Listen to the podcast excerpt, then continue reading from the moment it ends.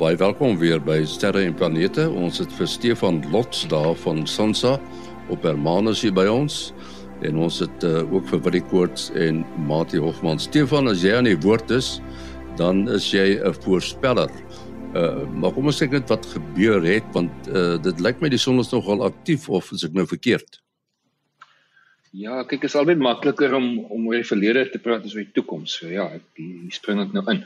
Ehm um, ja, die die son was nie so aktief die afgelope 2 of 3 weke nie, maar dit dit kom en gaan nou maar. So ons is nog steeds aan die aan die styg in terme van van uh gemiddelde aktiwiteit en soos ek voorheen al gesê het, hierdie son siklus is op pad om redelik hoër of meer intens te wees as wat voorspel is. Um daai artikel waaroor ons 'n ander keer gepraat het, die Macintosh het al um dit lyk nog steeds of hulle voorspelling tans beter doen as die as die algemene aanvaarde ene. So ons stuur nog steeds af op iets wat meer soos 2003 se maksimum lyk as as die vorige son siklus se maksimum. So bietjie meer aktiwiteit. Maar nou ja, ehm um, nie so nie so aktief gewees die afgelope week of twee nie. Ons wel 'n interessante storm hier 7 Augustus. Die toestand in die sonwind was toe nou net reg om 'n lekker stewige storm te veroorsaak. Uh dit was as gevolg van 'n hoë spoedstroom wat soos oor die aarde gesweep het. Ons verstaan mos nou die son draai ook om sy eie as en die korona is nie um, egalig nie so daar's dele waar die sonwind vinniger uitstroom as ander dele en een van hierdie gate soort van het het nou in die aarde oor die aarde se pad gekom en dit nou lekker 'n uh, eintlik 'n bietjie van 'n verrassende storm veroorsaak want nou was dit nie 'n mooi uitbarsting of 'n sonvakkel of so nie so die kombinasie van hoë digtheid en hoë spoed wat dan 'n hoë druk veroorsaak en 'n effens negatiewe noord-suid komponent van die van die magneetveld ontsluit toe nou die aarde se veld so bietjie en dan laat hierdie twee plasmas van die van die magnetosfeer so dis aan die aarde se kant en aan die sonwind mooi mooi aan mekaar koppel. Ja, hierdie uitbarstings uh julle dit seker nie verwag nie. Dit is nie altyd jy weet moontlik om dit al reg te voorspel nie. Ja, ja, kyk in hierdie geval was aan die eerste uitbarsting. Dit was net 'n deel van die sonwind wat vinniger beweeg as as as dit rondom. Ehm um, so dit veroorsaak dan nou so hoë hoë druk en hoë spoed kan ons maar sê stroom binne in hierdie groter stroom. Die en die voorspel uit die die uitbarstings op sigself is ook nog nie iets wat mens eintlik kan voorspel nie. Die beste modelle kan soos ons dit noem nowcasting doen maar om met ander woorde ons kan sê jy weet hy gaan ons kan sê wanneer hy uitbars maar ons kan nie sê wanneer hy gaan uitbars nie veral nie ver vooruit nie al wat ons op hierdie stadium kan sê is ja hierdie aktiewe area lyk kompleks en ja, hy mag dalk iets gebeur binne die volgende dag of 3. Maar om soos met normale weervoorspelling te sê daar's jy weet dit gaan môre so hard reën teen 10 oor 2.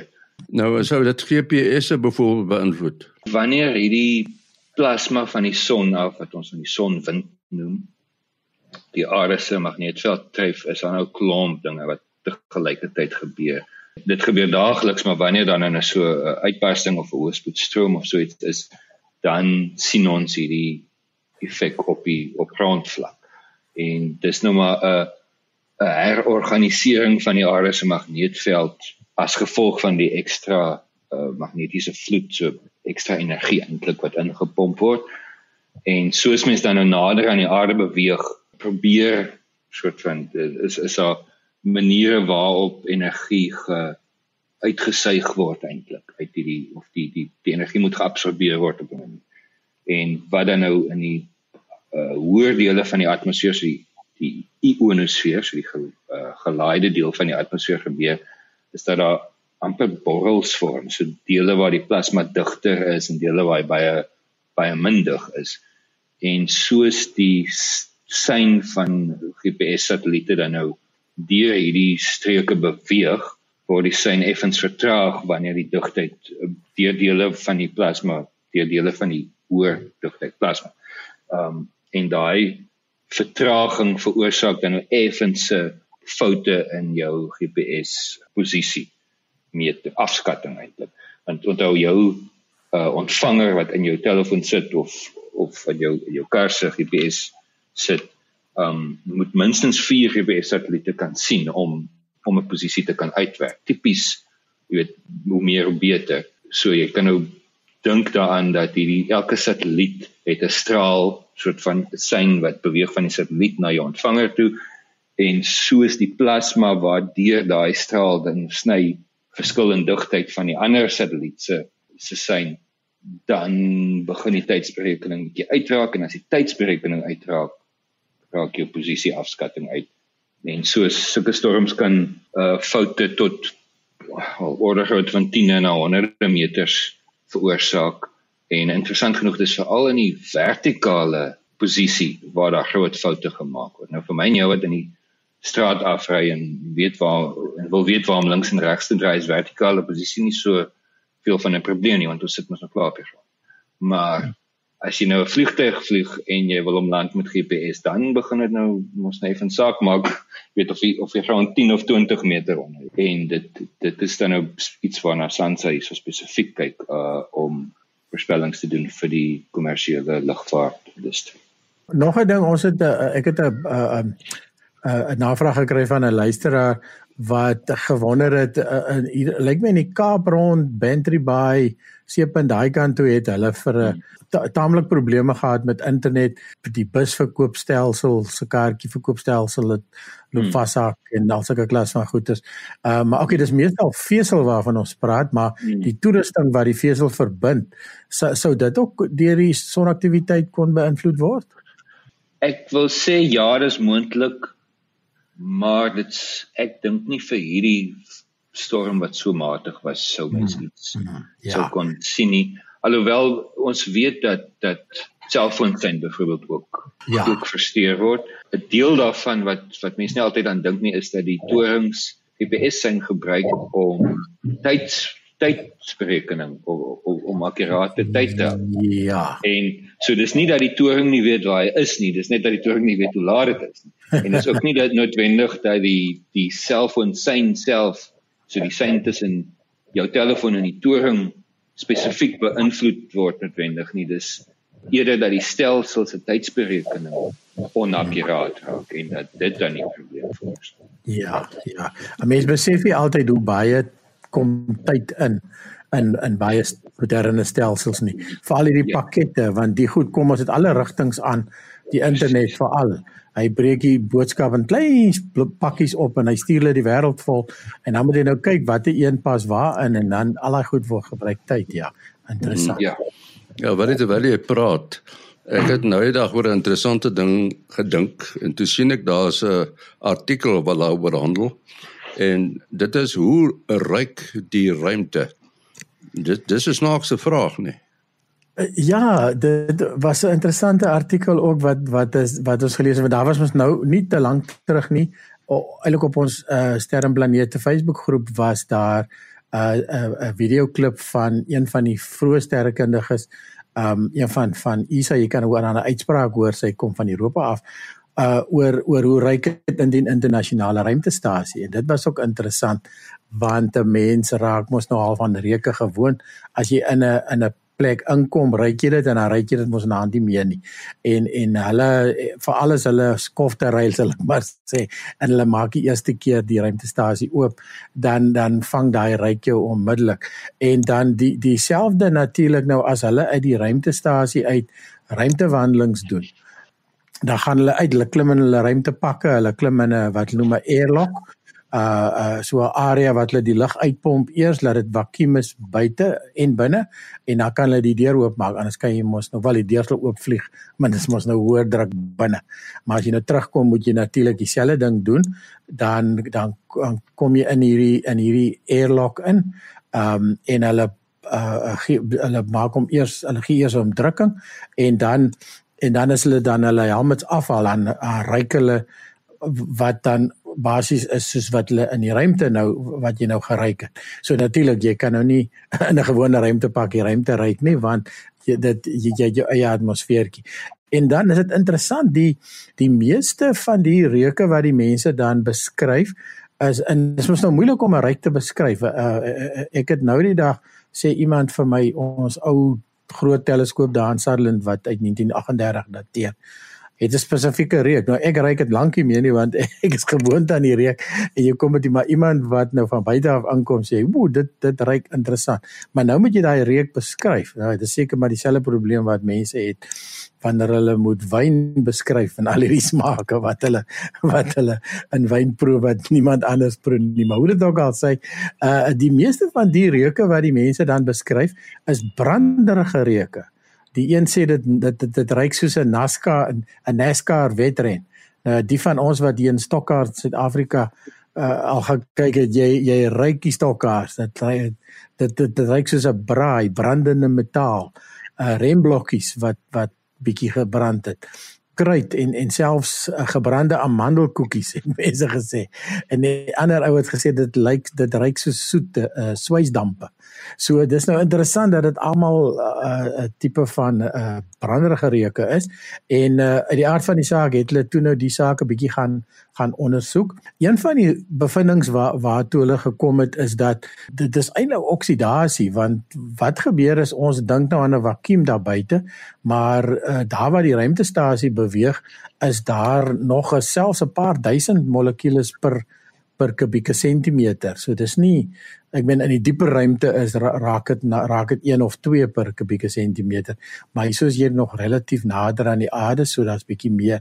En en wat jy dan kry is dat die molekules gaan kom kom sit op hulle pakke kan jy maar amper sê aan die buitekant uit die hart van die saak nou.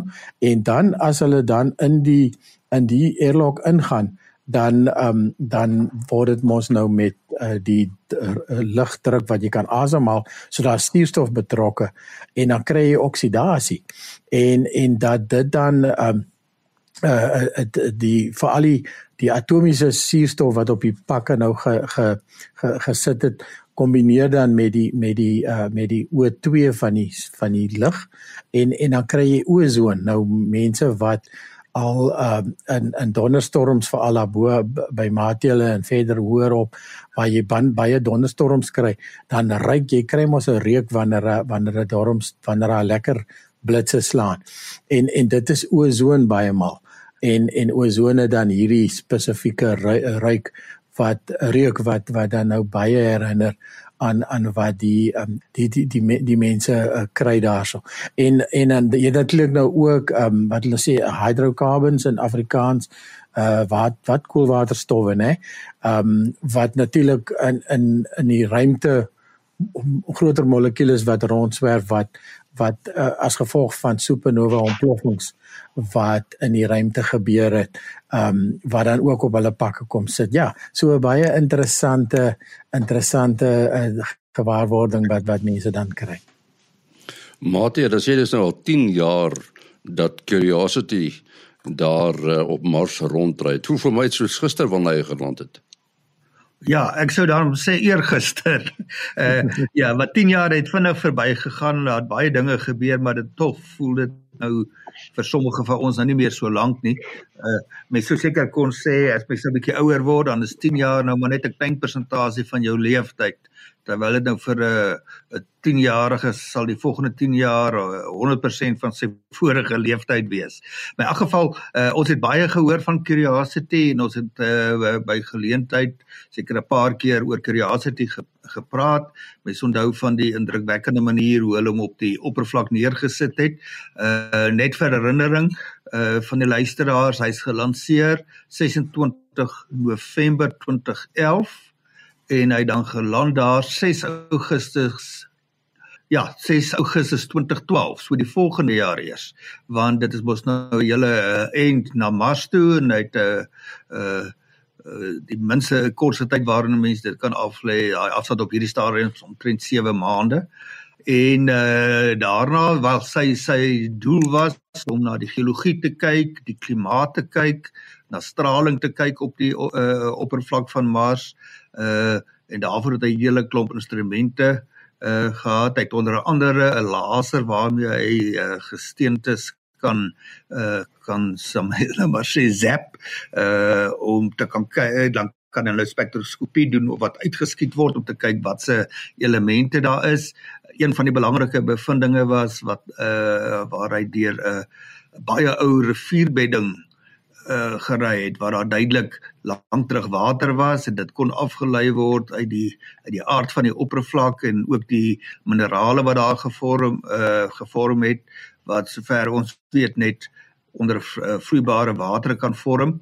Nou aanvanklik sou sy sending net 2 jaar lank gewees het, maar nou lyk my dit is NASA maak nou 'n gewoonte daarvan dat die sendings suksesvol is en dan verleng word. Heel waarskynlik op uh, sal die sending nou nog 'n hele so is amper uh, onbepaald voorgaan solank daar goeie wetenskap uit uh, uitkom wat altyd goeie nuus sal wees vir die groot personeel wat uh, so 'n sending bedryf en al die wetenskaplikes wat by die ontleding van die data is. Uh, hy destyds in die Gale krater geland Uh hy is nou op pad teen 'n kraterwal uit en hy is al bietjie gehavend. Sy sy wiele het al bietjie heelwat skade van die klippe waaroor hy moes ry en so aan. Maar uh, uh andersins is sy instrumente operasioneel en kan ons nog heel moontlik interessante ontdekkings vanaf Curiosity verwag. Ja, Spirit and Opportunity, hulle werk nie meer nie, nê? Ja, nee, hulle werk nou, hulle is nou nog langer terug. Ehm um, Jo, dit kan nou seker al 20 jaar wees. Ja, hier by 2004 rond. Ek dink dis toe toe in daai tydperk wat hulle geland het. So dalk so bietjie minder as uh 20 jaar. Wat ek wel onthou, die die eerste rower wat hulle op Mars geland het, dit was 1997 en dit was die Sojourner. Uh my was baie klein. Uh, die Spirit and Opportunity was natuurlik ook klein omtrent soos mikrogolf oonder terwyl Curiosity sê hulle soos 'n klein uh SUV. Uh so dit is uh uh as mens so hier na die afmetings kyk ongeveer 3 meter lank.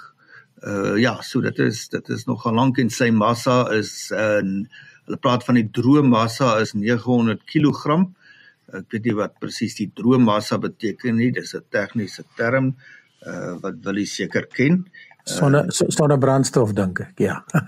ja, so uh, Ja, ja, ja. Sojourner ja. was so groot soos 'n aktetas as ek reg onthou. Ja, soos baie klein. Ja, klein. So nog klein. Ja. Ja, uh, dit is uh, ek onthou nog al het gesê Spirit and Opportunity moet moet vir 3 maande werk en toe sit op jou in 10 jaar. Daar's 'n briefie van Karl Nel uh, wat handel oor die ontploffings uh nadering van fotos wat gesien is. Matie, het jy daarop ingegaan?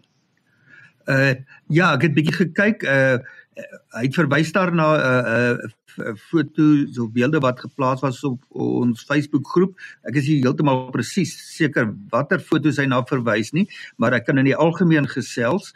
Ehm uh, ja, die vraag is dan as daar nou 'n ontploffing is met iets wat uitgeskiet word en dan word 'n foto geneem en dit word dan later weer geneem, kan mens dan die verandering sien en kan jy uit die verandering uit die spoed bereken uh, waarmee daardie materiaal uitgeskiet word. Uh, die antwoord is ja, dit is goed ingesien dat dit 'n 'n uh, 'n goeie ding is om na te kyk en dat dat baie nuttige inligting so bekom kan word en dit is inderdaad in sekere gevalle moontlik. Uh as mens na die ruimte kyk in die sterrehemel, dan is dit altyd baie opwindend om iets te sien wat verander of beweeg. Nou die goed wat ons die maklikste kan sien wat beweging toon is natuurlik die satelliete. Uh en dan kry mens nou stadiger bewegings byvoorbeeld om na die maan te kyk uh, en jy sien hom naby 'n helder ster en jy gaan kyk 'n paar ure later dan kan jy sien die maan het 'n bietjie beweeg. So sekere bewegings kan jy op daai tydskaal sien. As jy nou die beweging van planete wil sien soos wat hulle om die aarde wentel, dan moet jy darm so 'n paar dae gee uh veral met Venus en Mercurius, die naby planete kan jy binne enkele dae duidelik sien hoe hulle beweeg en ander planete wat nou ver is, moet jy dalk uh, so 'n uh, week of 2 uh, uh gee. Maar kom ons dink nou aan goed wat baie baie ver is, baie ligjare ver en so aan. Uh om dan beweging te sien van sê nou maar sterre, het jy baie baie fyn metings nodig van hulle posisies en dit herhaal uh, verkieslike hele paar jaar later. Uh dit is veral uh baie nuttig as jy gaan kyk na binêre stelsels waar sterre om mekaar roteer.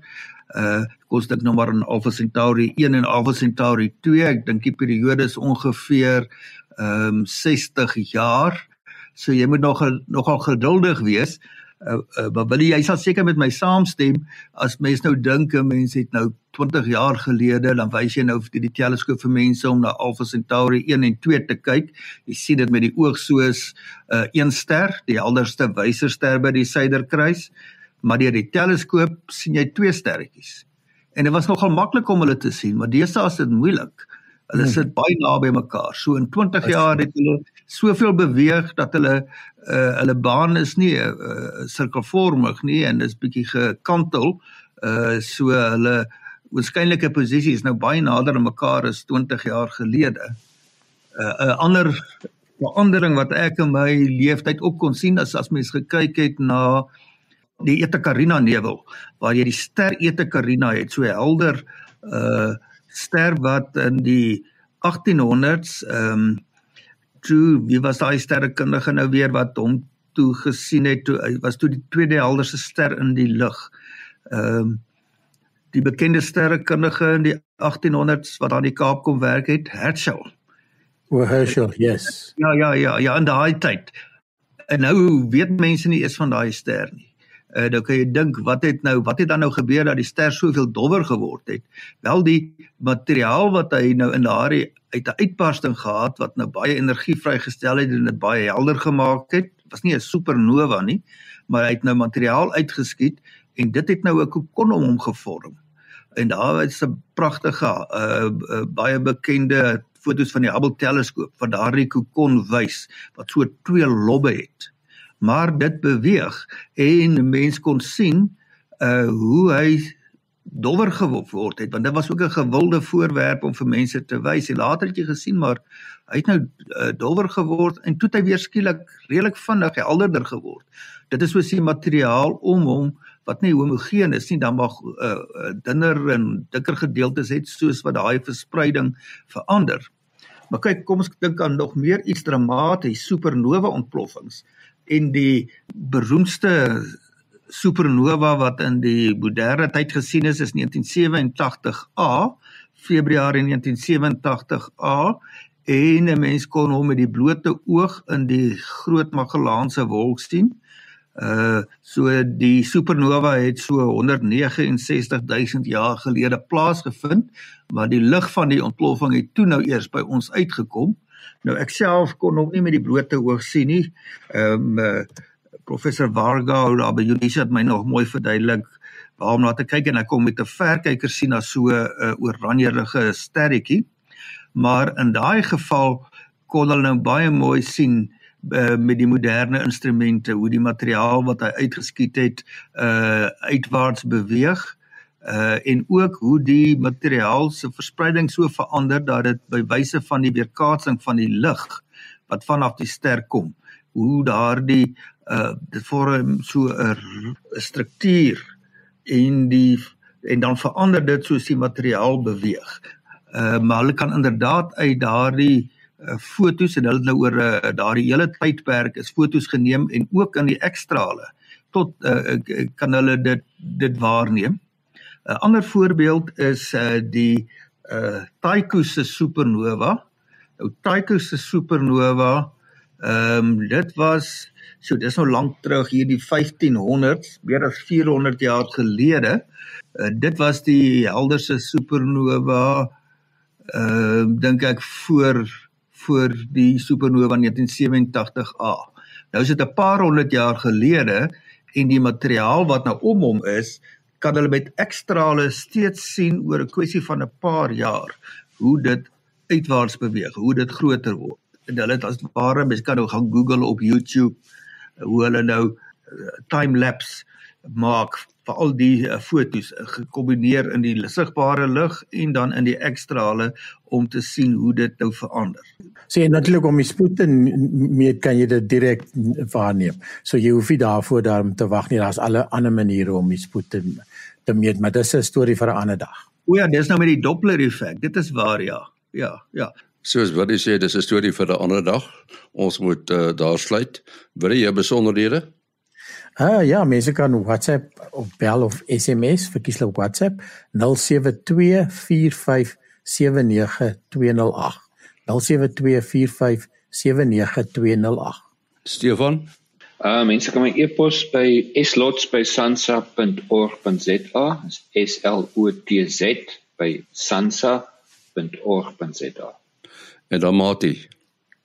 Uh ja, WhatsApp is baie gerieflik dan mens so 'n minuut of wat om daarom te dink. Uh as wat jy op jou voete moet dink. Uh selfoonnommer 0836257154. 0836257154. En onthou die program se e-posadres is sterreplanete@gmail.com. sterreplanete@gmail.com. Tot volgende week. Alles van die beste.